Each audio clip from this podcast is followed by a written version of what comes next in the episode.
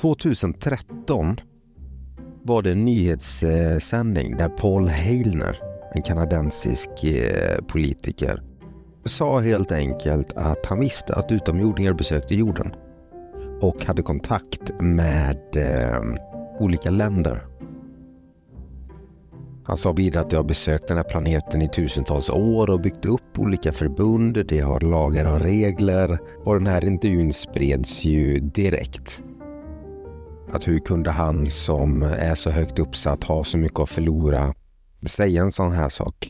Han hade till exempel suttit i kabinettet i G8-mötena och som han har förstått det så finns det ett förbund som bevakar människor på jorden och våra handlingar, vad vi gör, hur vi gör för att se att, eh, att vår utveckling sker på ett hållbart sätt. Det och mycket mer kommer vi gå igenom i dagens avsnitt i Alternativ historia.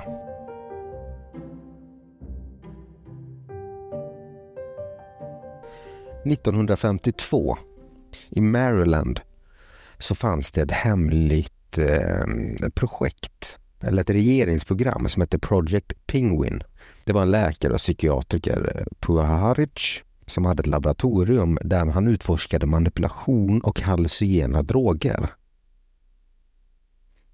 En av de mest kontroversiella sakerna han undersökte var kanalisering. Det innefattade kontakt med eh, ja, men inte fysiska personer och där man kunde vara medial.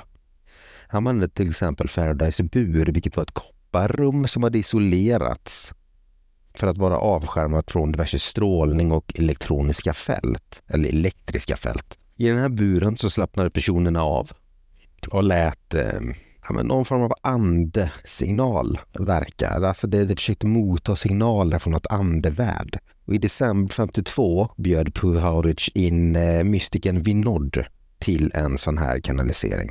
Och under detta experimentet försatte sig Vinod i en trans och ska då få kontakt med en grupp varelser som de kallade sig D9. Först presenterade sig som universums nio olika principer och sen sa det att det var utomjordingar eh, och hade liksom krafter bortom vår förståelse. Det har bevakat den här planeten sedan begynnelsen. Eh, att det var gudar, vägledare och om det är gudar så måste det ha haft en kunskap. Och eh, Puharic ville då be dem om vägledning. De nio gav dem ett antal meddelanden där det förklarades vara bevakare och till och med skapare. På frågan om vilka det var så gav de en stor uppenbarelse eh, där varelsen sa “Jag är Atum”. Atum var en urgud i egyptisk mytologi. Han var grunden till de nio principerna och de nio stora gudarna enligt den egyptiska eniaden. Om Puraharid hade fått kontakt med de nio stora egyptiska gudarna kan det ge en förklaring till idén om ett utomjordiskt förbund som övervakar det som sker på jorden. Vilka skulle i så fall den här varelserna kunna vara? I Kairo har en av de äldsta forntida egyptiska platserna. Det mesta är förstört, men det finns en obelisk kvar. Och det är den platsen som eh, där solguden Atums tempel stod på. De gamla faraonerna som stod i kontakt med den här Eneaden och de nio, nio gudomarna som eh, det sa då har gett jorden teknologi och kunskap enligt de egyptiska hieroglyferna var i samråd med Neaden faraons viktigaste uppgift och avgörande för att Egyptens framgång. Alltså han skulle hålla koll på det här. Och Heliopolis var den forntida Egyptens Vatikan, om man kan uttrycka sig lite slarvigt. Vatikanstaden är ju idag mm, kristendomen, katoliker, hela den här biten. Det här stället var den för den egyptiska tron. Iliaden började med guden Atum, solskivans gud, det har vi pratat om i tidigare avsnitt. Shu, luftens gud, vattengudinnan Tefnut, Geb, jordens gud, Nut, himlens gudinna, Isis, alla kungars moder, Osiris, det godas gud, Set, det ondas gud och dödsgudinnan Neptus. Detta var de nio och det var de här nio gudarna som styrde Egypten. Och allting i Egypten kretsade runt de här nio gudarna. Faraon styrde då Egypten i samråd med de här för att det skulle bli så bra som möjligt enligt deras önskemål. Teorin är då att Eneaden, som handlar om de här nio gudarna från Egypten som hjälpte till och styrde hur världen skulle se ut. För Egypten var ju, vad vi vet i alla fall, eh, mm, det stora mäktiga civilisationen. Så var ju de utomjordingar som försökte rikta mänskligheten i en viss riktning. Enligt pyramidtexterna kom Atum från Sirius. Hos eh, presidenter, kungar, drottningar så finns det historier om att de har haft kontakt med högre makter. Antingen så är det utomjordingar eller så eh, är det gudar eller vad man nu vill tro att det kan vara. Eller så är det ingenting, det bara är inbildning.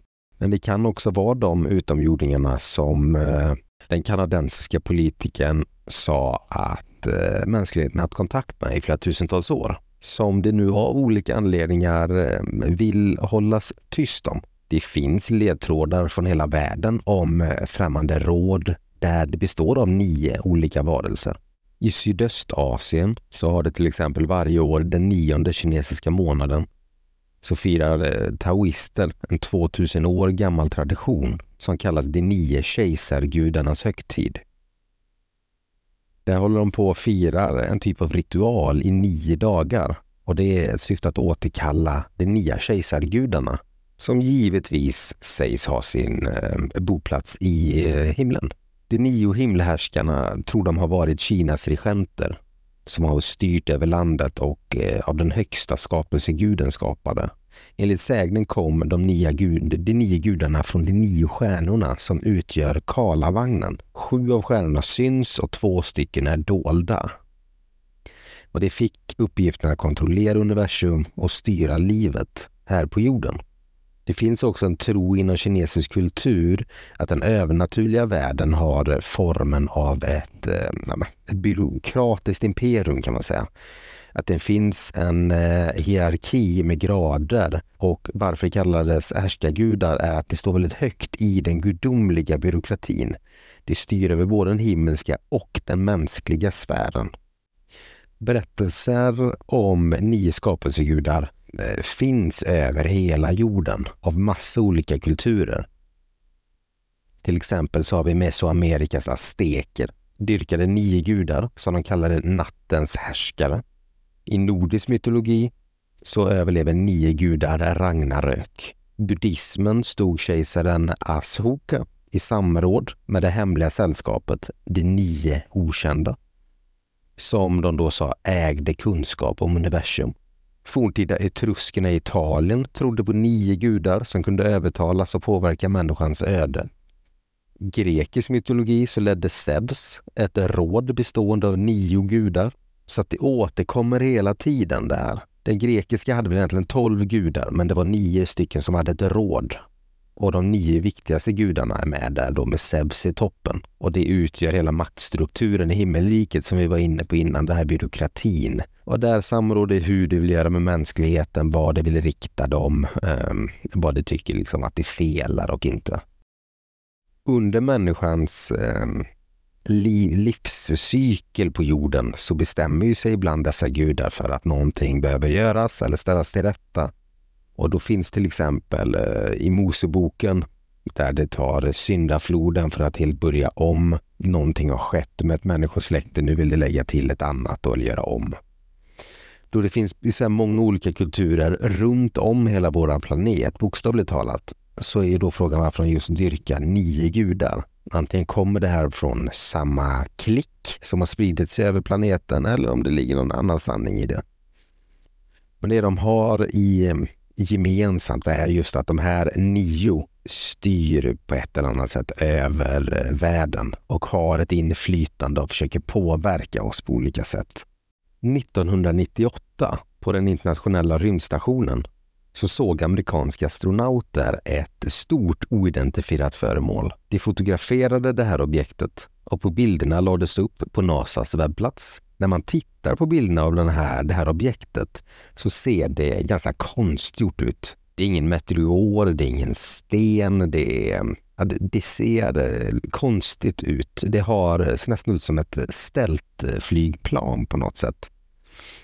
Den har en liten böjd eh, nos eh, och ser aerodynamisk ut. NASA tog sedan bort från deras hemsida och sa att det var rymdskrot eller troligtvis en värmefilt som de hade tappat från rymdstationen. Det finns bilder på det här på internet man kan gå in och söka på. Om ni söker på Black Knight-satelliten. 1954 så publicerade en tidning en artikel eh, som, eh, där det skrev att det ser ut som det finns konstgjorda satelliter runt om jorden. Många undrade eh, hur och liksom varför? För att det, vi hade ju inga satelliter ute i vår omloppsbana än överhuvudtaget i stort sett. Och då kommer Donald Kehoe in i bilden. Han var en före detta amerikansk militär som skrev böcker om ufon. Varför vet jag inte det. Han hade väl det som intresse.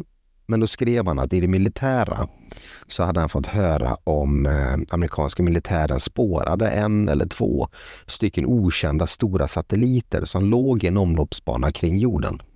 Det här var innan den första satelliten eh, Sputnik som ryssarna skickade upp.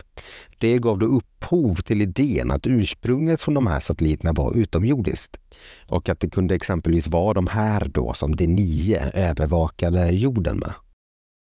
Försvaret ska sedan ha anlitat astronomen Tombach, eller Tombauch, men eh, han skulle identifiera vad det här kunde vara då. Men de här undersökningarna blev inte offentliggjorda och det kanske var för att det inte var något märkvärdigt eller ingen aning. Man uppskattade i alla fall att den här satelliten vägde över 10 ton med olika radar och sådär. Och det, vi kunde inte skicka upp så mycket eller så stort på den tiden. Men den verkar dessutom gå i en konstgjord omloppsbana runt jorden från pol till pol. Det vill säga att den täcker hela planeten när den roterar. Väder och spionsatelliter exempelvis brukar sättas i, i polär bana just på grund av att då kan det täcka hela jordens yta. Gå in och titta på de här bilderna. Det ser halvskumt ut faktiskt. Sen vad det är, det är väl en helt annan femma. Men teorin går ut på att det är en utomjordisk satellit som har övervakat jorden kanske i, liksom i, i tusentals år eller ännu längre. På 30-talet så hävdade amatörradiooperatörer att de fick in radiosignaler från yttre rymden. Nikola Tesla sa att han fick in radiosignaler från Mars.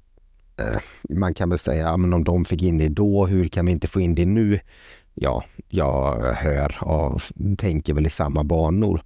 Men att det är vad som sades i alla fall. Men det var en radiooperatör som lyckades dechiffrera den här signalen och det skapade ett rutnät med vita och svarta prickar. Fråga mig inte hur, men så här var det i alla fall. Och han drog slutsatsen att det var en karta över stjärnbilden Björnvaktaren och eh, den var placerad där den skulle ha befunnit sig för 13 000 år sedan.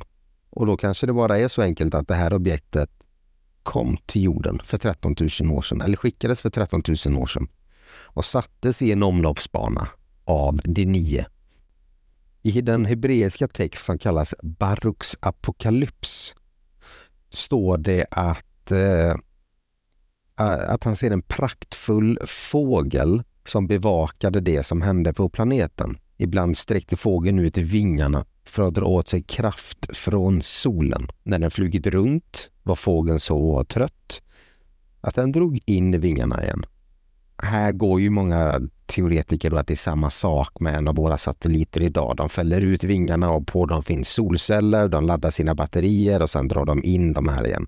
Teorin är då att Baruch eller Baruch har sett något liknande och skrivit ner den i sina texter. Då. Han sa att det här var jordens väktare. 1957 i Washington så fanns det en man som hette Frank Strange och han ska ha presenterats för en utomjording som hette Valiant Thor. Och Valiant Thor, eller Thor, arbetade för den amerikanska regeringen. Strange berättade detta i sin bok A Stranger at the Pentagon. Där skrev han ner de här mötena. Och han sa det att 1957 så anlände Valiant eh, Thor i en farkost, en spaningsfarkost som landade i Alexandria i Virginia på ett fält klockan åtta på morgonen. Polisen var de första som pratade med honom. Och där sa han att jag vill träffa president Eisenhower. De tog med honom till Pentagon där han fick träffa försvarsministern och sedan fördes han då till ovala rummet för att träffa Eisenhower Nixon och de andra cheferna där. Stranges redogörelse bekräftades faktiskt av uh, Harley Bird som var släkt med en på försvarsdepartementet. Det ger ju lite cred till historien, men Bird arbetade på projektet Blue Book som var ett hemligt program där man utredde ufo-rapporter. Han skrev bland annat förordet till Strange bok. Återigen, det är lite legitimitet att han ändå var en högt uppsatt eh, eh person i karriären, men eh, det behöver ju inte nödvändigtvis vara att allting stämmer heller. Men det bästa exemplet är i alla fall med Valiant Thor och hans besök i USA. Han var kvar där i tre år. Han eh, pratade med olika personer, diskuterade USAs och eh, rymdens angelägenheter och han ska då skickas till jorden av det högsta rådet för att ingripa på uppdrag av eh, deras eh, gemenskap, om man ska säga. Och det, det sägs att de ska ha varit oroliga för att kärnvapen skulle kunna bli ett eh, interstelliärt eller ett eh, rymdproblem, att de här kemvapnen skulle kunna tas upp i rymden. Vidare i historien så hade Valiant Thor eh, kontakt med eh, högt uppsatta personer i USAs regering, militär och däribland olika stabschefer. Och det sa att om USA och Ryssland inte avrustade sina kärnvapen så skulle det kunna sluta i förödelse och utplåning av hela mänskligheten. Det finns faktiskt bilder på Thor och olika tjänstemän och ingen har faktiskt sagt att det inte är honom. Antingen för att de tycker det är löjeväckande eller att det kan ligga någonting där i då. Men eh, Laura Eisenhower till exempel barnbarn till eh, president Eisenhower säger att det här är sant. Han skulle som sagt ha dykt upp runt 1957 och presidenten gav honom eh, särskild status i tre år. De arbetade fram ett, ett förslag på hur de skulle kunna göra framöver. Eisenhower eh, hade tydligen försökt dra det med sina chefer i USA han vill ha ett möte med FNs generalförsamling och dra igenom det här förslaget hur du ska göra med kärnvapen och delge dem den historien då som han hade fått. Men det gick inte igenom egentligen någonstans. Så att förslaget antogs inte från eh, förbundet då. Så ja, här är lite matnyttigt om D9 och den svarta satelliten och Valiant Thor. Hoppas ni uppskattade avsnitt avsnittet. Glöm inte mejla om ni skulle vilja önska olika ämnen som jag ska ta upp så får vi höras nästa avsnitt.